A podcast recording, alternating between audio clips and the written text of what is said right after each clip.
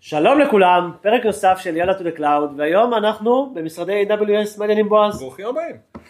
ברוכים הנמצאים. תודה רבה. תודה רבה באמת על האירוח, אני חושב שאת הפרקים הקודמים הקלטנו לפני שנה בערך. לדעתי שנה. וחצי. שנה-. שנה וחצי. אז אה, אין מה לעשות, זו תקופת קורונה, ואנחנו מנסים להתמודד, אבל היה חשוב לנו ככה להיפגש. אבל הקלטנו פרקים באונליין. באונליין תמיד ממשיכים, זה קל, יחסית. אה, ועל מה באנו לדבר היום, אה, בועז? אז אה, היום אנחנו נדבר קצת, אה, באמת, אה, אנחנו נפתח סדרה של אה, שלושה פרקים שתדבר על Infrastructure as Code. אוקיי, מה זה? מה זה? אז אה, הרעיון של אה, איך היינו פעם פורסים שרתים. היה מגיע שרת פיזי, מוציאים אותו מהקרטון, שמים אותו בתוך הארון, ואז מתחילים להגדיר אותו. מתחילים להגיד, אה, אוקיי, תעשה לי חלוקה של הדיסקים לפרטישנים כאלה, ותעשה לי חיבור נטוורק כזה, ותתקין את הכלים האלה וכולי וכולי, ואז היה במקרה הטוב, אם אתה מסודר ומאורגן, אז היה לך איזשהו תיעוד כזה, היה לך server book, playbook, כל מיני, לא יודע, בטח היו לך שמות אחרים לדברים האלה. וה server book הזה, הרעיון שלו היה שאם אתה עכשיו צריך להתקין שרת נוסף, אתה פשוט פותח את ה server book הזה, והוא עושה step by step, ומתקין שרת נוסף. מעניין מי היה עושה את זה באמת ככה. כן, זה תמיד לא היה עובד, תמיד היה קיצורי דרך. נכון, בפעם השנייה שאתה עושה את זה, אתה אומר, "אה, לא צריך פה את השלב הזה, אתה מדלג עליו, לא צריך את ה security patch כי זה רק לניסיון, ואז אתה מקבל שרת שהוא אחר לגמרי. והרעיון של Infrastructure as Code זה לכתוב את הקונפיגורציה של המערכת שלי, את ה-Infrastructure של המערכת, התשתית עצמה, בדיוק כמו שאני כותב קוד.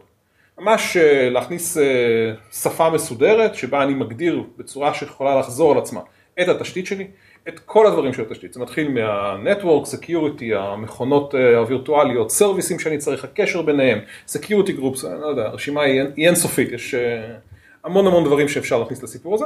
הרעיון שאני יכול לעשות replay לקוד הזה, בכל רגע נתון, ולקבל בדיוק אותה סביבה.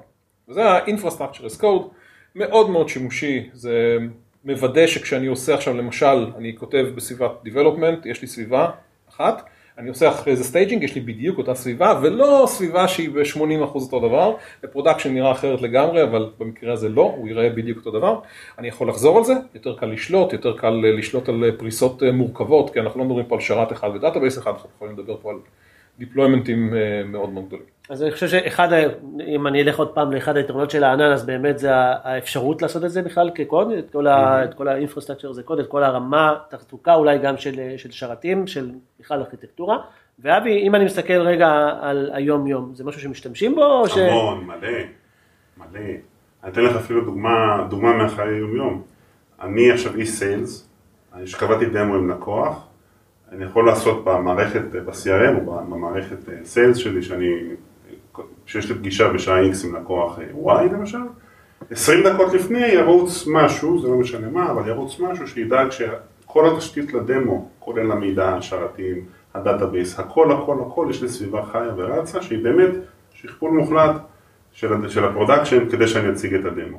חצי שעה אחרי שהפגישה נגמרת, אוטומטית אני גם יכול להוריד הכל ולהפסיק לשלם על ה resource-ים שהרמתי לפגישה הזאת. אז גם מבחינת יעילות, גם מבחינת הזמן שאנחנו משקיעים בכל פעם, כמו שאמרת בועז, לא להרים ולהתקין שרתים, אבל לא רק זה, אלא גם אה, של עוד פעם לא לכתוב את הדברים ולשפר אותם, אז זה עוד יתרון. אה, וכמו שאתה אומר אבי, זה, יש לזה use cases לא רק של אה, עבודה של היום יום, לא רק טכני. בדיוק, לא רק טכני, אלא גם בצד העסקי, ש, שזה מאוד מעניין. יצא לך להרים אלף שרתים בדקה, שעה, חצי שעה? היה לי משהו עם 300 instance-ים פעם אחת, אבל זה היה auto scaling group, אז זה פחות נחשב.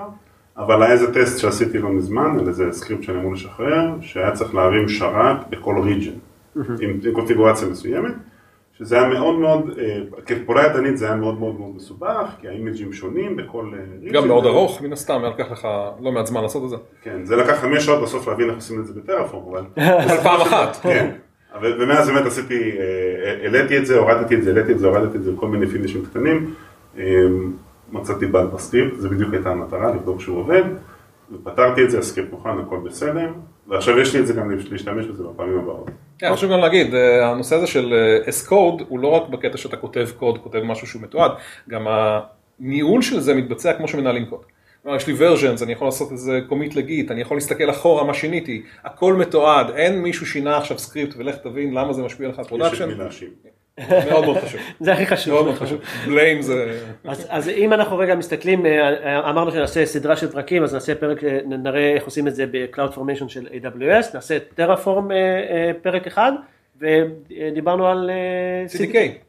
אז כן, אני חושב ששווה להזכיר, לא ניכנס לזה לעומק, אבל אה, AWS בשנים האחרונות אה, יוצאת עם מוצר חדש שנקרא CDK, שזה ה-next generation של Infrastructure as Code, לפחות בכלים של AWS, ויש לנו המון לקוחות שמשתמשים בכלים אחרים, זה בסדר גמור, אה, כל עוד באמת משתמשים ביכולות של Infrastructure as Code. הרעיון של CDK זה לעבור משפה שהיא יותר דקלרטיבית, סקריפטים, שמאוד מאוד קל, אבי, אני בטוח שאתה שוחה בחומר. אתה אוהב YAML-ים? מת. אז אבי אוהב YAML-ים, הוא היחיד בעולם שאוהב YAML-ים. זה ה JSON של שנות 2000. כן. ה JSON החדש, לא ש JSON היה משהו, ה-XML של אה, שנות 2000. אז אה, לעבור מהמצב הזה שבו אנחנו כותבים script-ים וכותבים אה, קובצי קונפיגורציה למצב שבו אנחנו ממש כותבים קוד. ו-CDK מאפשר לך לכתוב את ה infrastructure שלך תוך כדי זה שאתה כותב את האפליקציה. ממש ב-Node.js או ב-TypeScript או ב Python, לכתוב את הקונפיגורציה שלך, להשתמש ב concept-ים של קוד כמו למשל class-ים. לעשות להם reuse, כלומר אני יכול למשל להגדיר איך נראה VPC בארגון שלי, ולשמור אותו בתור הגדרה ב-CDK, ואז כל עובד חדש או כל מפתח שירצה להרים עכשיו VPC בארגון שלי, הוא עושה include למה שהגדרתי כבר מראש, וזהו, הוא לא צריך לחשוב, כן לפתוח פורטים, לא לפתוח פורטים, מה מותר לי, מה אסור לי, יש צוות מרכזי שאחראי על זה, ואז אתה יכול לעשות גם streamline לדברים מאוד מורכבים, כמו למשל security. חסרונות? אה, עקומת למידה, כן. לוקח זמן להתרגל לזה. רציתי שלא תגיד משהו והייתי אומר עקומת למידה. לוקח זמן להתרגל לזה, יש overhead מסוים, אה, לפעמים אם לא עובדים בצורה נכונה אפשר לדרוס שינויים שמישהו אחר עשה, אה, בגלל זה חשוב לעבוד, יש שיטה שנקראת GitOps, אני אכנס לזה, אבל בגדול הטלפון ב Git והשרת לבצע את הפעולות, לא אתה. אז אתה לא, לא, לא יכול לדרוס שינויים של מישהו אחר. לפעמים זה לא עובד.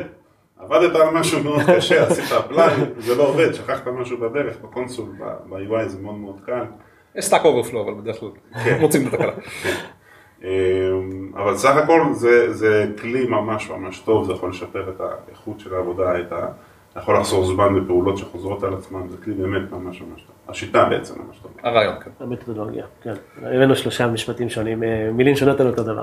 כן. אוקיי חברים, אז אני חושב שהיה פרק אה, מעניין ככה בעצם לחשוף את אה, מה זה infrastructure as a code, יצא לי טוב. ונתראה בפרקים הבאים. כן. תודה רבה לכולם, לעשות subscribe, לתת המלצות, זהו, ביי ביי. ביי להתראות.